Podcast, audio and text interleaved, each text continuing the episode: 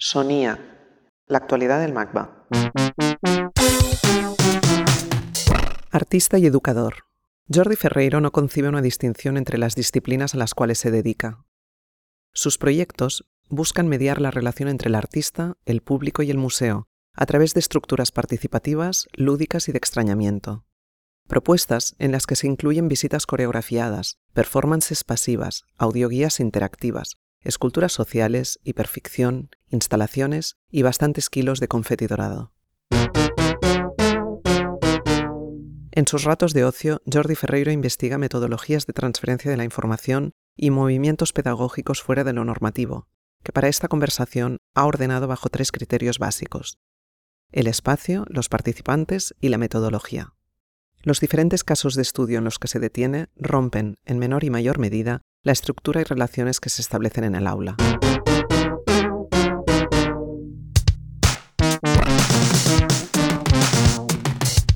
A través de proyectos anómalos, subalternos y experimentales, como la University of Trees, las escuelas de pintura al aire libre de México, el grupo zaragozano de papiroflexia, la Escuela Catalana del Tapís o las escuelas bosque alemanas, Jordi Ferreiro pone sobre la mesa ejemplos prácticos que operan en torno al juego, la performatividad y la horizontalidad.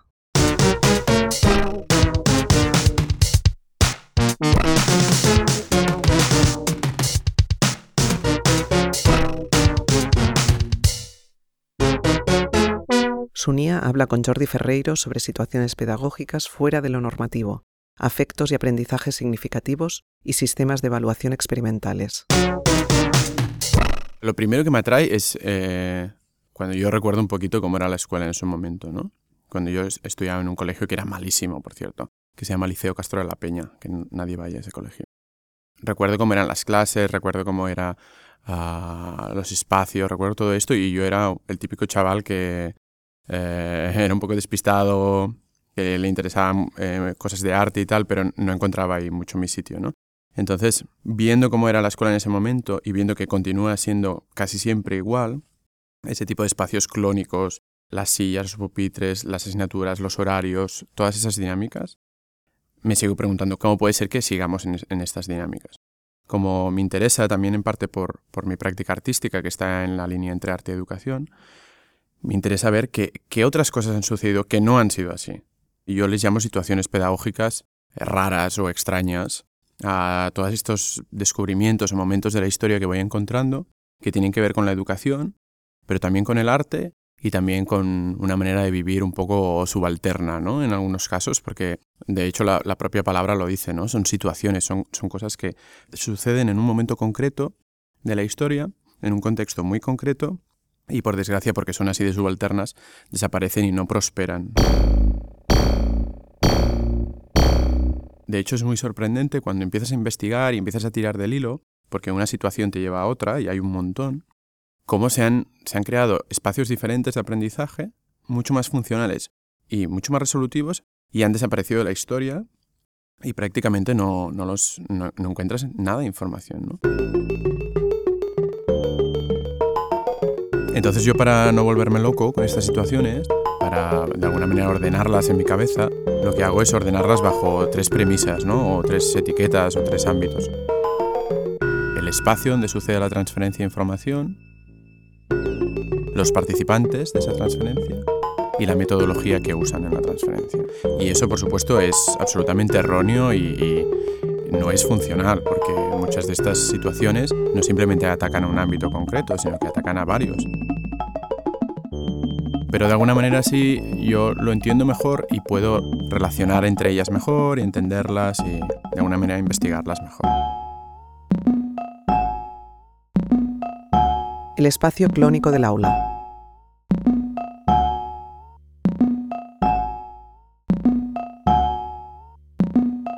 Si hablamos del espacio donde sucede la transferencia de información, ¿no?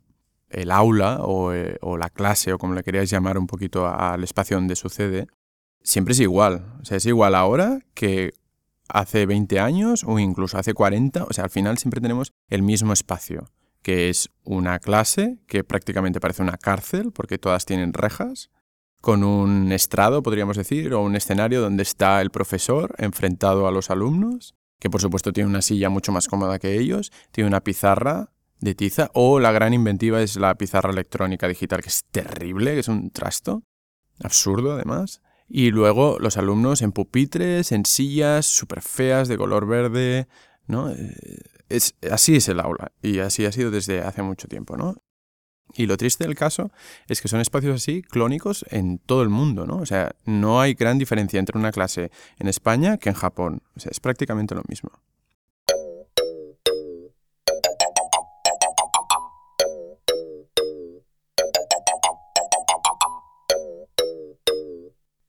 Si investigas un poquito por internet y buscas en Google escuelas extrañas, puedes encontrar un montón de artículos de escuelas muy frikis que son básicamente como en la China una escuela dentro de una cueva, ¿no? En la India dentro de un tren, en Tailandia en un barco, eh, en Estados Unidos una escuela en un búnker atómico, ¿no?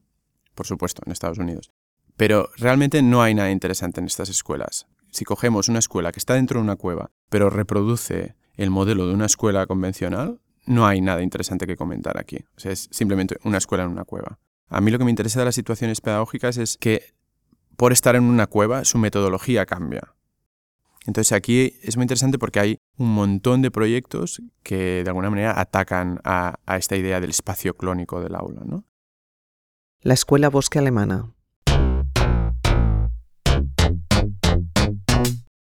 Las escuelas bosque son unas escuelas que es un modelo importado alemán que tienen como un pequeño espacio en un bosque o en un terreno, pero no se hace la clase allí. Todo sucede a campo abierto. Entonces los niños eh, van con anorak todo el día y están en el campo trabajando allí, todas las asignaturas. Entonces es muy interesante porque su metodología está basada en el trabajo de campo, pero de verdad, o sea, literalmente. En hacer excursiones, en hacer la clase con los elementos del bosque, pues por ejemplo matemáticas, ¿no? Recogiendo elementos y luego usándolos como si fueran como piezas para calcular, ¿no? Está muy basado también en el respeto por la naturaleza, es decir, la metodología viene implícita por el espacio donde sucede y eso es muy interesante, ¿no? La Universidad de los Árboles. Otra de estas situaciones pedagógicas que intentan escaparse del aula, que intentan huir del aula, es un proyecto artístico de, de un artista que se llama Shelley Sachs y nace un poquito de inspiración por, la Free International University de Joseph Boyce. Eso es muy interesante de las situaciones pedagógicas, como que quizás son de corto recorrido, pero de una situación nace otra, ¿no? Inspira para crear otra. Entonces, The University of Trees, o la Universidad de los Árboles, en verdad es un sistema muy divertido de, educación, ¿no? Porque tú te pones en contacto con Shelley, por desgracia el proyecto ha acabado porque tuvo, tuvo demasiado éxito y Shelley no, no daba abasto. Pero tú eh, contactabas con Shelley y le pedías uno de los kits de University of Trees, porque la idea es que, este proyecto está legitimado, es decir, como sucede University of Trees en varios países, ¿no? Tú quieres participar en esta red de conocimiento. Entonces eh, Shelley te envía una especie de kit con un montón de elementos, gadgets o casi podríamos decir juguetes, todos con el logo de University of Trees. Y funciona un poco como esta tradición japonesa de, de comer bajo los cerezos. Es un poco lo mismo. Es una especie de tapete con el logo de la universidad que se coloca alrededor de un árbol de tu territorio, de un, de un sitio concreto que te, te interese. Convocas por internet a toda la gente para participar y os colocáis en ese tapete. Entonces la clase o la universidad, por decirlo de alguna manera, sucede allí.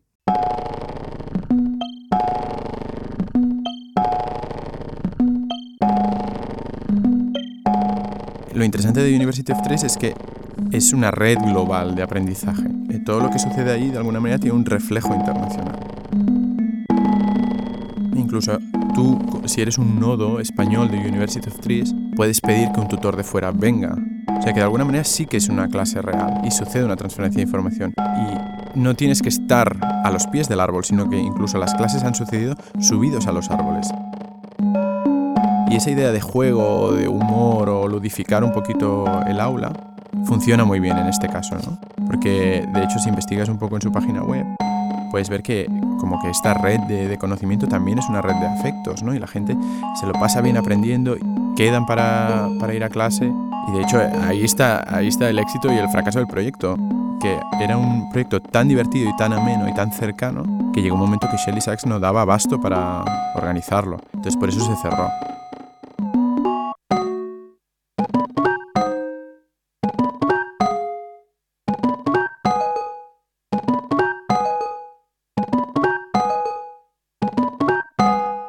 Representar el paisaje. Filosofía en la Escuela de Pintura al Aire Libre de México. Otro caso de, escuela que sucede fuera del aula sería la Escuela de Pintura al Aire, al aire Libre de México. Esta sale en 1920 y surge un poco eh, por movimientos universitarios, sobre todo, que en ese momento estaban haciendo como lo que hacíamos nosotros en España, las cruzadas pedagógicas. Allí se llamaban las misiones culturales. Y también un poco por parte del gobierno, porque después de 10 años de contienda armada que sucedía en México en aquella época, se dan cuenta de que es necesario invertir en cultura y en educación, porque hay un gran sector de la población que está agotado de estas contiendas, que es analfabeto, que necesita de alguna manera esta cultura para hacer un punto de inflexión y continuar, ¿no? Necesitan regenerar el país de alguna manera. Entonces es muy interesante porque lo que, sería, lo que se llama escuela en verdad no es una escuela, es simplemente una especie de sesiones de trabajo en la calle con chavales entre 9 y 15 años. Muchos de ellos, eh, lo que decía, no saben escribir, no saben, eh, no saben leer, pero sí que tienen como una motivación eh, por la pintura, ¿no? Entonces, estos educadores, que básicamente eran universitarios, se llevan a estos, a estos chicos y chicas al campo a hacer excursiones, etcétera, etcétera, con la excusa de pintar el país, o pintar la ciudad, o pintar el paisaje, ¿no? Pero es muy interesante que a través de representar el paisaje, atacan a un montón de, contenidos que, por supuesto, emancipan a estos chavales. Además es muy interesante porque muchos de ellos, como dicen en los textos, eran indígenas. ¿no? Estaban en una situación social muy diferente al resto de, eh, chavales de la ciudad. Con la excusa de que es una escuela de pintura, realmente lo que estaban haciendo era casi como una escuela filosófica a través de, eso, de la representación del paisaje. Además, eh, el éxito de esta situación, aunque fue bastante corto, creo que solo duró como del, 1920 al 1930, en ese momento generan eh, muchas semillas de lo que después serían movimientos como la pintura mural eh, mexicana con Diego Rivera, o de hecho salieron un montón de artistas de ese movimiento, así que realmente funcionó su, su estrategia. ¿no? Educación por correo y otras situaciones pedagógicas unidireccionales. Si hablamos de, escaparnos del aula o de aprender fuera de un espacio convencional, la estrella de todo esto sería la educación por correo, ¿no? que aquí en España eh, la conocemos por empresas tipo cursos CCC, ¿no? Todos los proyectos que sucedían de educación por correo los compraba CCC y los traducía al, al castellano y nos los daba a nosotros, ¿no? Pero ya a principios de siglo en España ya sucedía la educación por correo, ¿no? Impulsada por un señor que se llama Julio Cervera Baviera, que creaba un tipo de escuela que se llama la Escuela Libre de Ingenieros. Entonces lo que hacían era básicamente como enviar por correo cursos y también como tutorías personalizadas para que la gente desde su casa o después de su jornada laboral pudiera aprender y pudiera de alguna manera aprender una profesión desde cero, ¿no? Hay otros ejemplos, por supuesto, fuera de, del territorio, ¿no? como la BBC británica, que en 1927 hacía programas de radio para escolares, sobre todo, para, para estudiantes, ¿no? con contenidos eh, que podrían estar perfectamente en el aula. ¿no? Eh, de alguna manera era como, como distribuir esta información y, sacarla fuera del aula. Todo eso me interesa muchísimo, pero no son situaciones pedagógicas para mí, en, verdad, porque no tienen eh, la, la, profundidad para ir a más, ¿no? Que de alguna manera son unidireccionales también.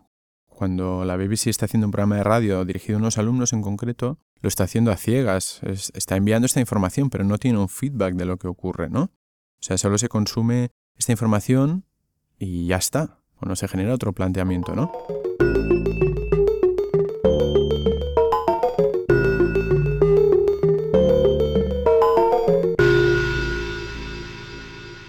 Por supuesto, todos podemos aprender todos podemos ser autodidactas y yo creo que, la educación va, hacia eso. O sea, ya no desplazarse al aula, sino aprender en casa. Pero yo creo que si de alguna manera es importante la idea del aula, del colegio, de la universidad, es por poner esa información en un foro abierto. O sea, que la gente discuta esta información y la, hagamos colectiva entre todos y la miremos desde diferentes perspectivas y no simplemente aprenderla de un libro o de un tutorial, sino aprenderla porque otro alumno da una perspectiva diferente. Yo creo que, eso es lo importante de la educación en un espacio conjunto.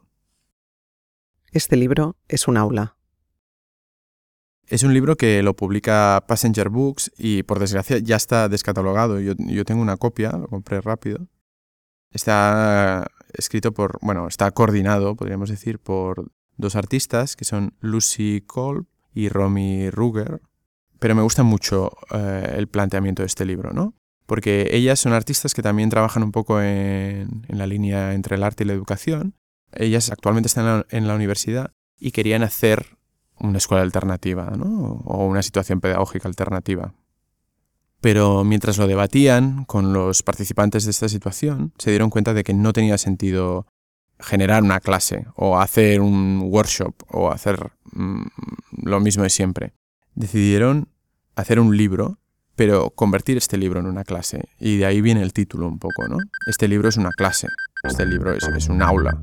Ellas lo explican muy bien en, en su statement y si me permites te lo leo. Nosotros queríamos aprender y por eso nos hemos puesto a trabajar en este libro. Nos interesa la estructura y los perímetros que el libro ofrece. El formato, el encuadernado, el título, la retícula, el prefacio, los contenidos, las anotaciones, el pie de página, etc. Este libro es una clase. Te invitamos a participar en ella, conjuntamente con todos nosotros. Bueno, me parece eh, muy chulo esta idea de coger el libro, el formato de un libro convencional, desfragmentarlo hasta la mínima esencia, como bien dicen en, este statement, ¿no? Como incluso el pie de página, y ofrecerlo, distribuirlo entre las personas que iban a hacer las clases, es decir, los, los, tutores que iban a venir a clase, reciben toda una serie de preguntas que les han escrito los alumnos, los participantes, y ellos las contestan en formatos libres, pero han de usar esa, esa idea de editorial. Entonces, cada página del, de este libro es casi como un collage o parecen páginas de libros diferentes, ¿no? Es como una locura de libro con información en, en todos lados de la página. Aparte de ser un libro, en las presentaciones del libro también se organizan como si fuera una clase, ¿no? El libro en verdad es la clase realmente, como el título. O sea, son como unas paredes eh, ficticias que en verdad son las páginas del libro. Thank you.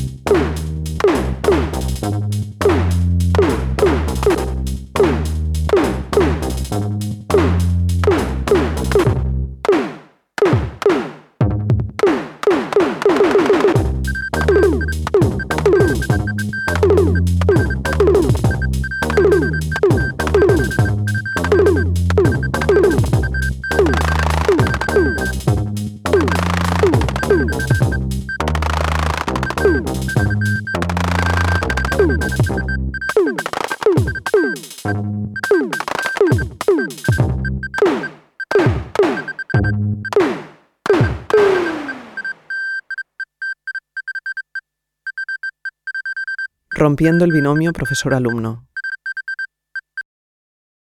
El aula la podemos sustituir, la podemos eliminar, la podemos cambiar, podemos hacer lo que sea. Pero cambiar a los participantes o crear una situación con participantes diferentes a lo que es un profesor o una persona que tiene el conocimiento que la distribuye a unas personas que no lo tienen, eso es muy complicado. Pero realmente los ejemplos que existen en este campo para mí son los más valiosos porque de alguna manera lo que demuestran es que se pueden crear situaciones de transferencia de información diferentes y que funcionan.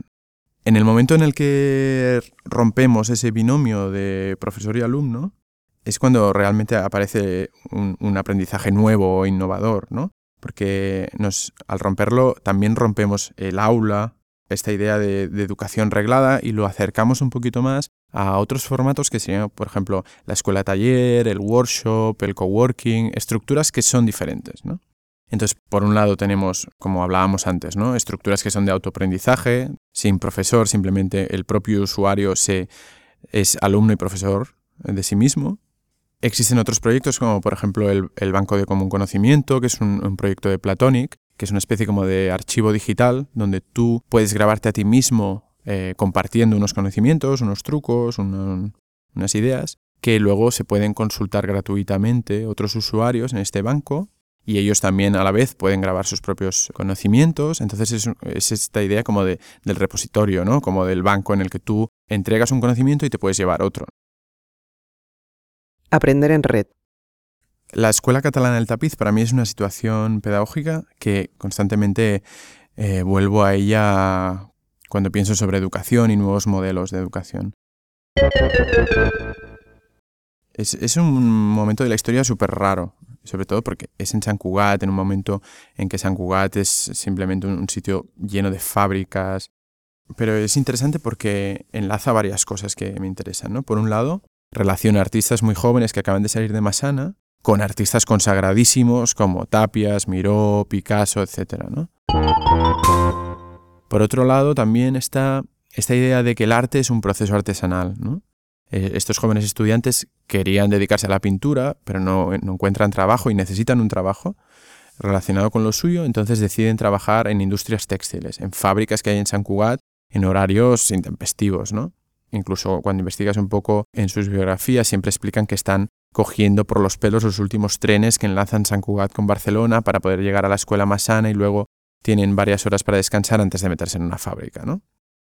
Y por otro lado, principalmente el punto importante de, la Escuela Catalana del Tapiz es que no existe un profesor, sino que son los propios alumnos los que se enseñan entre ellos. O sea, es una estructura horizontal en la que el profesor es inexistente y son los, los propios intereses de los participantes los que enseñan a los otros participantes. Y eso me parece fundamental. Es muy complejo entender toda la historia de la Escuela Catalana del Tapiz, Básicamente porque hay toda una, una leyenda nacionalista encima de la escuela. De hecho, si visitas el museo que está en, la, en lo poco que queda de la fábrica, de hecho se tiraron todas las estructuras de la fábrica y solo queda la oficina. Y eso es el Museo del Tapiz de San Cugat. Está muy cerquita de la estación, se puede visitar fácil. Explican que la Escuela Catalana del Tapiz es una escuela real. Hablan de ella como si fuera una universidad, hablan de ella como, vamos, como que realmente era una institución y no es cierto. Lo, que, era, lo que es real de la Escuela Catalana del Tapiz es que todos estos estudiantes muy jóvenes, que eran tres o cuatro, no eran, no eran muchos más, tenían mucho interés en hacer arte y estaban trabajando en esta fábrica. Entonces em, deciden en sus ratos libres de la fábrica, en sus descansos, trabajar con los tapices y con los materiales que hay en la fábrica para experimentar cosas nuevas. Cosas muy locas además con unos materiales súper povera, materiales que están, que son de desecho, no son materiales finos, ¿no? Entonces el director de la fábrica ve que todos esos chavales tienen muchísima energía por experimentar, por hacer cosas nuevas, ¿no? Eh, lo están haciendo en sus ratos libres de la fábrica, o sea, como si no tuvieran suficiente, ¿no? Entonces decide destinarles una pequeña esquina de la fábrica para que ellos continúen experimentando, ¿no? Y les da todo el material que encuentra por ahí. Entonces ellos empiezan a experimentar con materiales súper pobres y con, la, con esa limitación de, materiales que son de desecho, que son de la fábrica, de hacer tapices pues, eh, tradicionales, alfombras, o sea, nada que ver con lo que están haciendo ellos. Que si podéis ver imágenes es muy parecido como a, trabajos de, tapias prácticamente. ¿no? Eh, usan tela de saco, hilos de cuerda, nada que ver con un tapiz convencional. ¿no?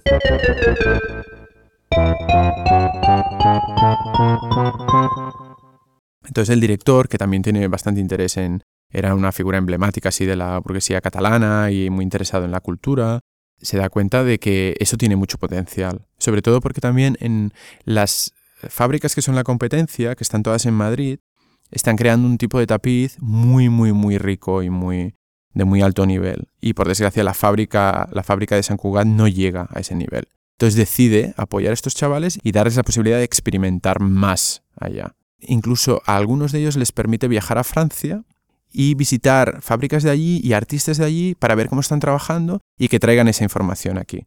Estos participantes de esta situación pedagógica comparten esta información, no solo de sus viajes a Francia, sino van a ver una exposición, ven una cosa en Barcelona, la traen, traen revistas, catálogos, postales, etc. y empiezan a trabajar con ese material que van trayendo. Van experimentando los unos con los otros, van intercambiando trucos, etcétera, etcétera.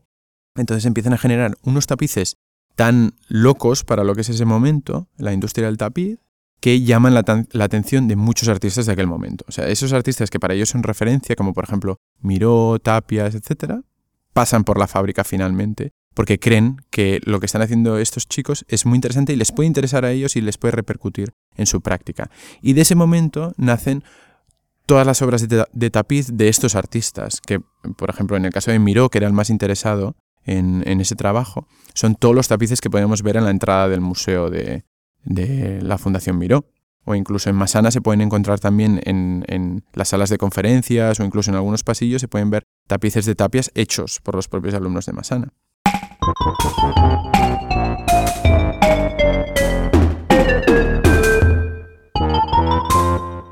esa manera de trabajar de la Escuela Catalana del Tapiz me, ha fascinado desde siempre, eh, no solo por esta estructura horizontal de trabajo y de aprendizaje, sino también por ese contacto con las figuras que están trabajando en el contexto artístico. ¿no? O sea, no tienen profesores, pero a lo mejor en una de estas sesiones de trabajo conjunto aparece Miró por la Escuela Catalana del Tapiz y los alumnos empiezan a, o los participantes, mejor dicho en este caso, hablan con él, dibujan con él, se intercambian eh, maneras de pensar, etc. Y eso les inspira a crear esos tapices. Y a Miro también le inspira para generar esas piezas de tapiz que, son las que conocemos, eh, las que podemos ver en, en su fundación. ¿no?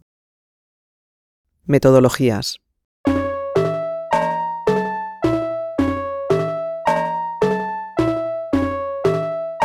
Hasta este punto hemos hablado del espacio donde sucede la transferencia, los participantes que están en esta transferencia, pero también nos falta la manera en la que se hace esta transferencia. ¿no?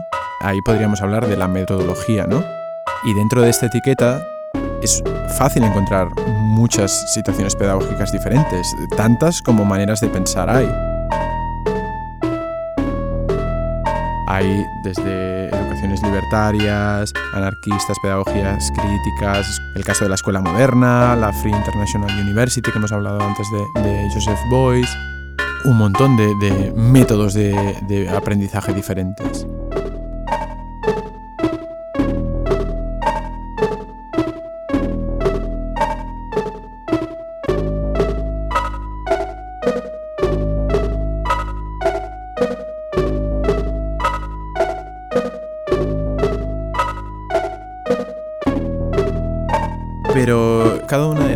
Tiene una especificación, una cosa complicada. ¿no? Por un lado, podemos encontrar las que han sido aquellas situaciones que empezaban un poco mm, como subalternas, pero rápidamente se vuelven legitimadas.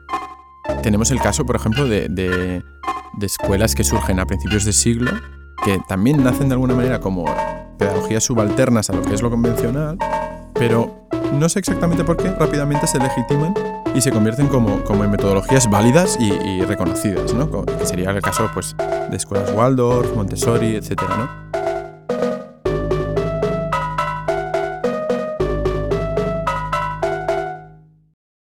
No tengo ninguna crítica por estas, hacia estas eh, escuelas, pero sí que es cierto que, que, mm, para mí no son situaciones pedagógicas raras, porque son muy, de muy difícil acceso, ¿no? O sea, las pocas escuelas que son públicas de este estilo tiene una lista de espera infinita. ¿no? Entonces, básicamente son escuelas privadas que realmente son muy caras y, están destinadas a un sector muy concreto de la población y por desgracia el resto no puede acceder. ¿no? La pedagogía de la papirola. El grupo de papiroflexia nace en los años 40. En principio es un grupo que nace en la universidad de la mano de un profesor que se llamaba Eduardo Galvez, que era un catedrático de física y química en la Universidad de Zaragoza. ¿no? Entonces él era un amante de la papiroflexia. En aquel momento no se llamaba papiroflexia ni origami ni nada. Se llamaban papirolas, que me, hace mucha gracia el nombre. ¿no? De la mano de Eduardo Galvez y sus alumnos, el grupo de papiroflexia zaragozano se desplaza rápidamente de la universidad a las cafeterías y entre ellas eh, a una cafetería mítica del centro de la ciudad que se llama Café Levante. Allí es básicamente su base de operaciones, se reúnen allí desde los años 40 y hoy en día siguen reuniéndose allí. O sea, los miembros ya han cambiado, por supuesto, pero el movimiento zaragozano aún continúa, que eso es muy interesante. ¿no? O sea, esta situación realmente es, de largo recorrido, pero esa no es la situación pedagógica. Esta situación pedagógica para mí es relevante porque no se trata de, del trabajo que hacía Eduardo Galvez con, con sus universitarios de simplemente enseñarles cómo doblar el papel y cómo hacer las papirolas, sino que de alguna manera lo que se dice de o lo que sucedió en ese momento es que muchos de ellos eran futuros profesores, ¿no? Entonces llegó un momento en el que Eduardo Galvez intercambió con ellos el cómo cambiar la educación, ¿no? Entonces un poco lo que sucedía en estas clases, aparte de aprender a hacer papirolas, es cómo cambiar la educación a partir de la papiroflexia. Y eso me parece increíble, ¿no?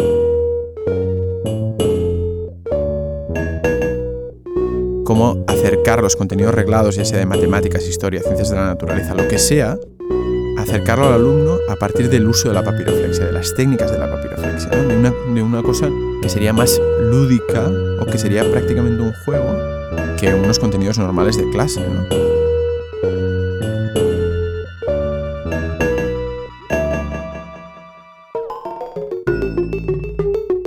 Esto que sucedía como casi a principios del siglo en España me parece aún relevante y, súper vigente a, lo que está sucediendo, ¿no? que los alumnos en clase no tienen prácticamente interés en lo que estamos hablando, porque el acercamiento que hacemos es quizá demasiado crudo para ellos o no lo ven cercano a, a sus intereses. Pero si lo acercamos de una manera lúdica, como es el trabajo que estaban haciendo el grupo de Papiroflexia Zaragozano, estoy seguro que sería mucho más interesante para ellos y el aprendizaje sucedería de verdad.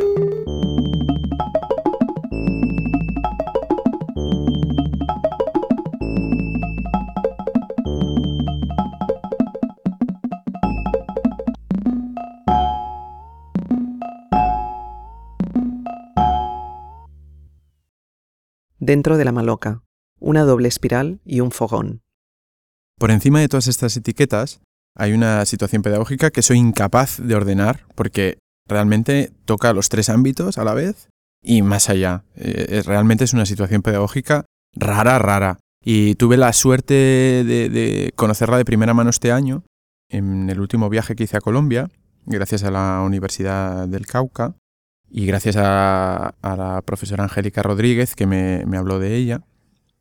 Se llama la Universidad MISAC y es una universidad que eh, se abrió hace muy poquito, en el 2011, pero que se lleva peleando para fundarla desde los años 80. Eh, desde los años 80 la comunidad gumbiana, que se llama, que es una comunidad indígena que bueno, fue muy perseguida en el territorio de Colombia, eh, al final en los 80 el gobierno decidió como darle una reserva y de alguna manera intentar ayudar a regenerar su, cultura y su territorio, ¿no? o al menos de boquilla. Entonces desde el año 85 se, plantea eh, conjuntamente con ellos el abrir una escuela y una universidad, eh, las dos cosas a la vez, para de alguna manera que su cultura, que básicamente es oral, no se pierda, ¿no? Pero imagínate que desde el 85 hasta el 2011 pasa muchísimo tiempo. Y es porque la cultura MISAC es, por desgracia, es, muy subalterna para las ideas políticas del, Estado, ¿no? Entonces, la manera de pensar MISAC no tiene nada que ver con la, manera de pensar que tenemos nosotros. Incluso su calendario es absolutamente opuesto al nuestro porque está absolutamente basado en, el, en, eh, en las estaciones del cultivo, ¿no? Entonces, el Estado siempre el Estado colombiano siempre ha tenido un poco de recelo en permitir crear una escuela que tenga ideas tan opuestas a, las del resto del país. Finalmente la universidad se abre en el 2011 y este año, en el 2015, la primera generación de estudiantes universitarios de la escuela eh, se gradúa por fin.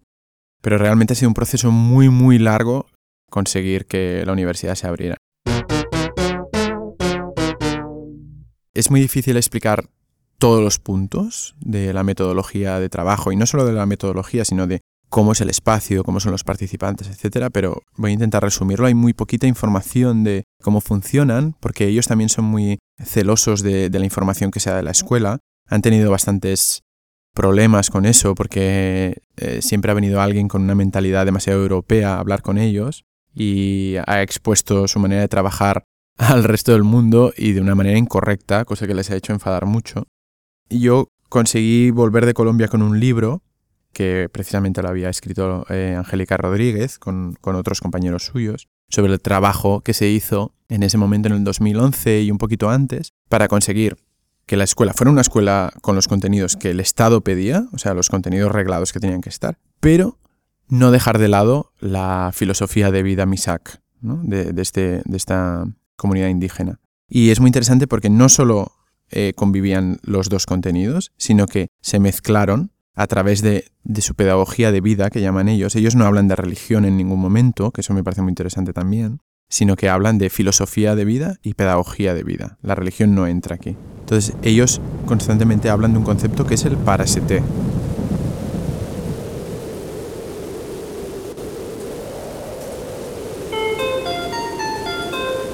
El parasete es una manera de vivir para ellos y también una manera de pensar que se basa en un dibujo, en un diagrama o en un gráfico, que es la doble, la doble espiral.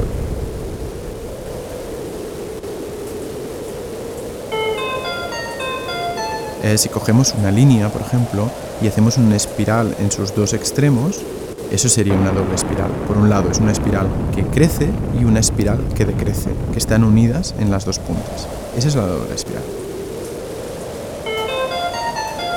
Y es muy interesante que cuando tú llegas a la universidad, lo primero que ves en el espacio es una doble espiral gigante en el, espacio central de la universidad.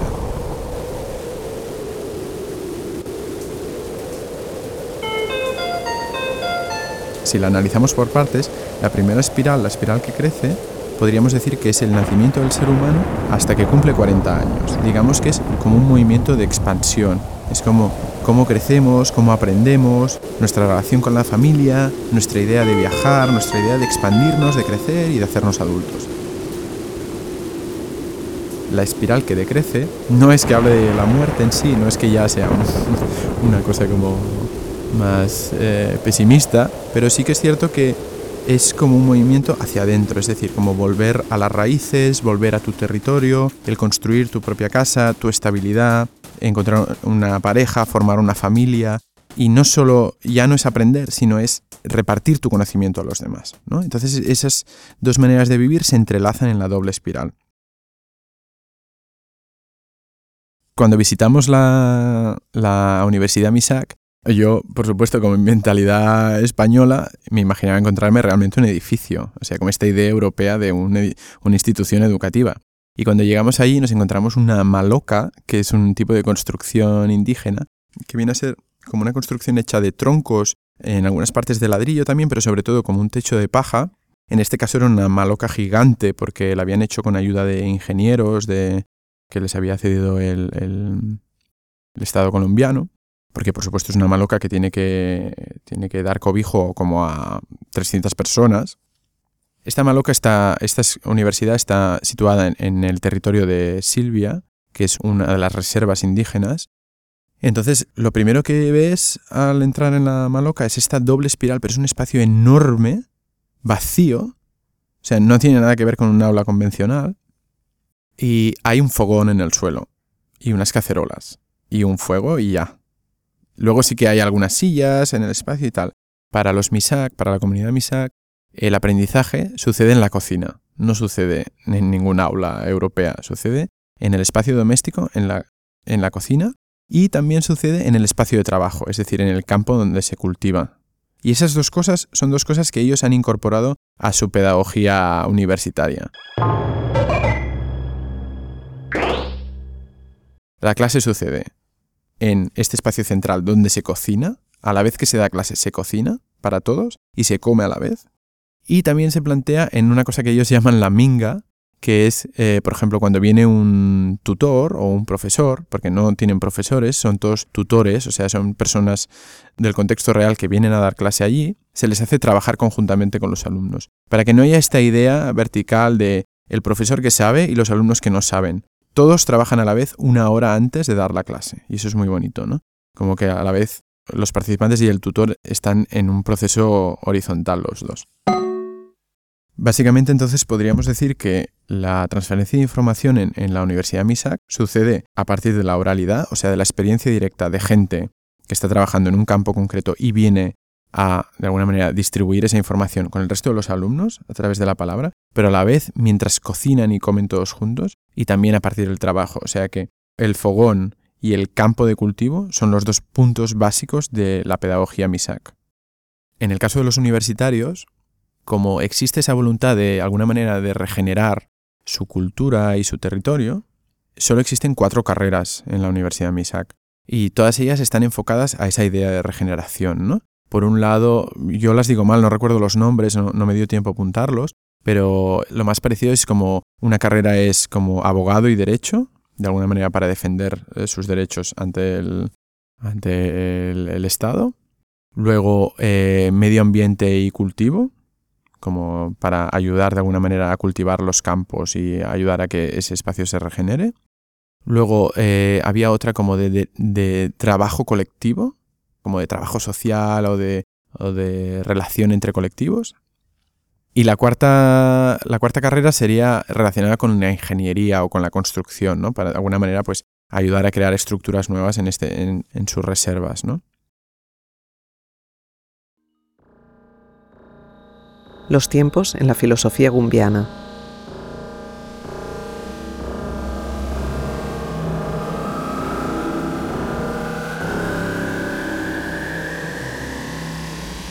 Ellos consideran que, la, educación como la vivimos nosotros, de alguna manera escinde o separa la educación de los alumnos. Ellos tienen como una manera de pensar el tiempo y el espacio diferente. Es cierto que nosotros dividimos el aprendizaje o los contenidos por eh, asignaturas, por tiempos de 45 minutos o 50 minutos en clases diferentes. Ellos no, no, no lo entienden de esa manera. Todas las clases suceden en el mismo espacio, en el mismo fogón, Sí que tienen unas aulas más pequeñas, bueno, aulas no sería la palabra, unos espacios más pequeños para no contaminarlos unos con los otros, pero básicamente todo sucede en el mismo espacio, o sea, es, un poco como grupos de asamblea en el mismo espacio central. Y no existe esta idea de, de partir el tiempo por toques de campana o toques de timbre, como nos pasaba a nosotros en la escuela, sino que, para empezar, ellos tienen un calendario diferente las clases suceden el fin de semana, no suceden entre semana. O sea, son jornadas intensivas de sábado y domingo, estudiando todos juntos.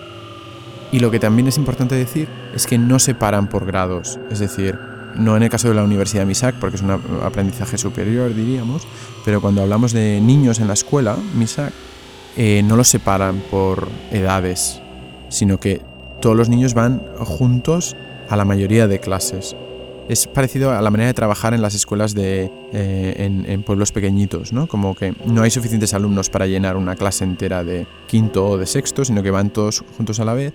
Y aparte del profesor, tienes la figura de, un alumno de más edad que te ayuda en algunos casos concretos, ¿no? Entonces, no hay esta voluntad de separar y etiquetar y encajonar a los alumnos en aulas, sino que todo es mucho más abierto y mucho más flexible.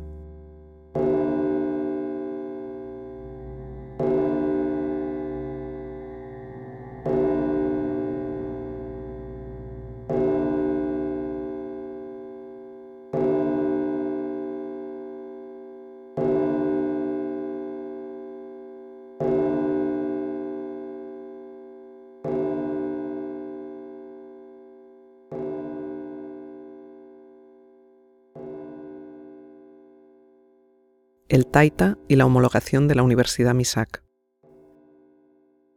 La figura fundamental de, la, universidad es el Taita, que es un poco como, mm, si lo tenemos que traducir, es un poco como el nombre con el cual designa el, niño al padre, ¿no? Pero sí que es cierto que también hay muchas mujeres que han cumplido esta función de Taita, ¿eh? no es simplemente una figura masculina. Entonces el Taita es como el director de la universidad, pero también a la vez muchas veces participa y también a la vez es tutor muchas veces, o sea que es una figura bastante ambivalente. Entonces nosotros preguntábamos al, Taita cómo se evalúa todo esto, ¿no? O sea, nos parece muy interesante cómo hacéis la escuela y realmente nos da mucha envidia que tengáis esta libertad, pero estos estudiantes van a tener que pasar por unos criterios de evaluación y de legitimación de, de sus estudios. ¿Cómo, ¿Cómo, lo van a hacer, no? Entonces ellos en la escuela, cuando abrieron, ni lo pensaron, ¿no? Porque estaban tan contentos de por fin les habían dado luz verde para crear esta escuela, esta universidad, que, ni lo pensaron, ¿no? Entonces este año va a ser por fin el primer año que se va a graduar una generación de estudiantes en la universidad y por fin en este último año han conseguido un convenio con otra universidad del territorio para que convalide el título como un título universitario de verdad.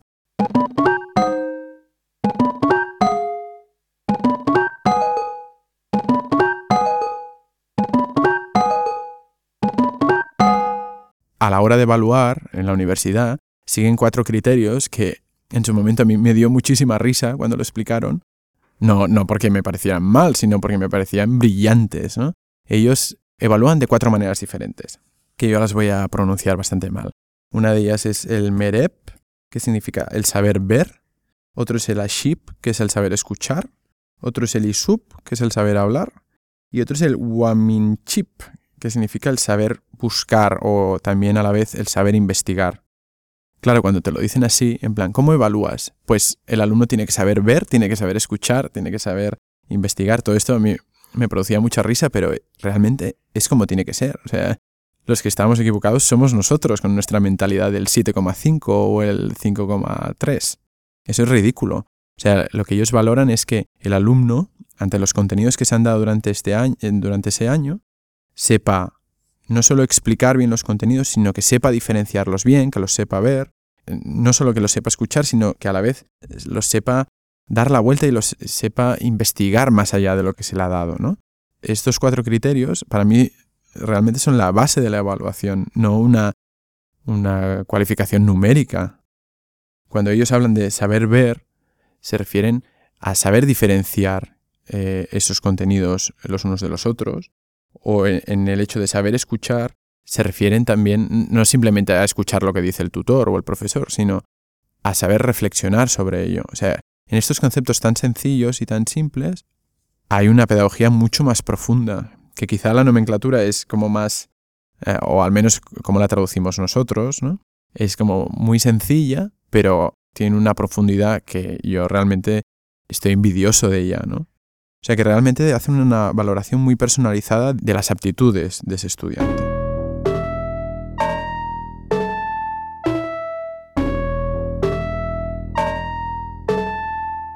El verdadero shock al ver la Universidad Misak es como que ellos, pese a haber perdido toda su cultura prácticamente en esta persecución que han tenido durante varios años, y pese a ser oral, cuando ellos montan la universidad y de alguna manera como se plantean cómo linkar los contenidos normales con sus contenidos de, su pedagogía de vida, te das cuenta que esta idea, que en verdad es muy sencilla de su universidad, ¿no? como el, el hecho de estudiar juntos, de hablar juntos, de compartir la experiencia, de trabajar, está tan alejada de lo que hacemos normalmente nosotros en, en, la universidad o en la escuela, tan, tan alejada, la hemos cosificado tanto, la hemos rentabilizado tanto, hemos separado el conocimiento en asignaturas, lo hemos separado en 45 minutos cada uno, en unos contenidos tan reglados, tan cuadriculados, que creo que como que nos, nos hemos distanciado muchísimo de lo que realmente es el aprendizaje.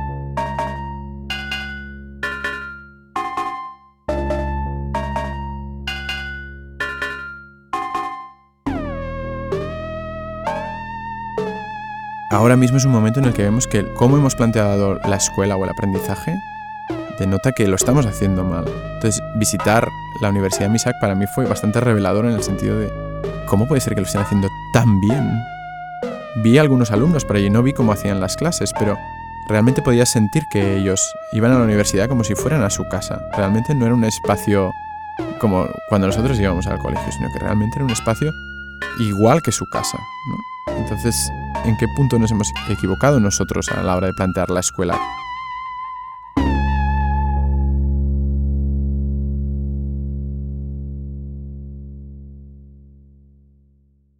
Yo creo que tendríamos que volver un poquito atrás y, plantearlo desde el inicio, ¿no? Como qué es lo que estamos haciendo mal y por qué no estamos haciendo esto bien, ¿no?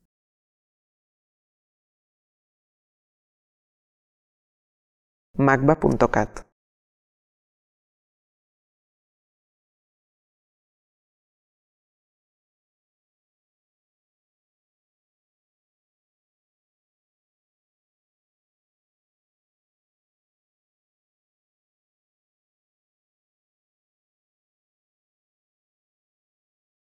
La educación en realidad ha de centrarse en la relación entre el sujeto y el mundo humano que lo acoge. Su función es permitirle construirse a sí mismo como sujeto del mundo, heredero de una historia en la que sepa qué está en juego, capaz de comprender el presente y de inventar el futuro. Philippe Merieux